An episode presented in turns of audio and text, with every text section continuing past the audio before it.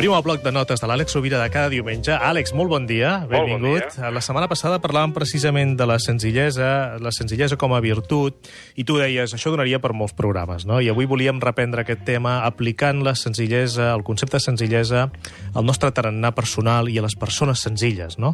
De vegades veiem una persona senzilla, ornamentada de totes les virtuts que diem, aquesta persona és sàvia, i ens preguntem, però aquesta essència senzilla i lluminosa neix van als gens, com si diguéssim, o si ha tornat després d'un treball personal, aquesta persona de senzilla, no?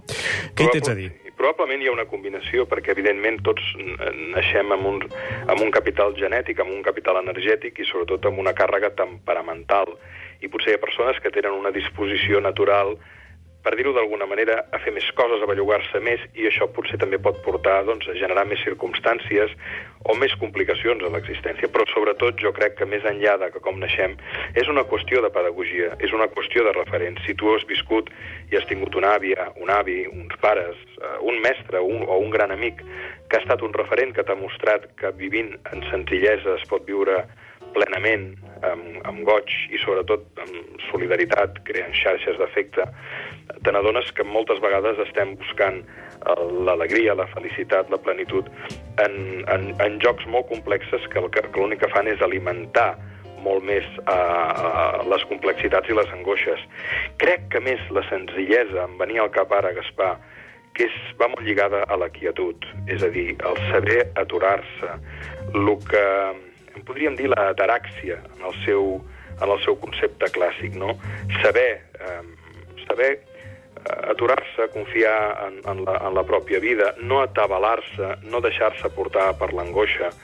Recordem que ho hem dit moltes vegades, no? que sovint moltes de les malalties que tenim neixen d'un passat del qual no sabem com resoldre i arrosseguem, no em refereixo físicament, sinó psíquicament, i d'un futur que ens angoixa perquè, perquè no sabem com fer-li front.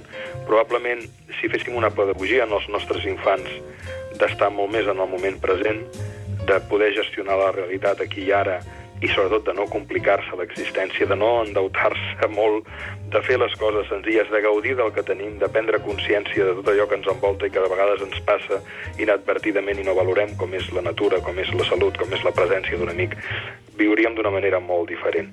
Crec que la senzillesa és una conquesta que va molt lligada a la saviesa, que pot arribar de vegades per una elaboració de, de processos de patiment o de dolor, i que no necessàriament de vegades pot venir per això, sinó perquè la persona ha pres la decisió de viure serenament, aquietadament, senzillament i actuar en conseqüència.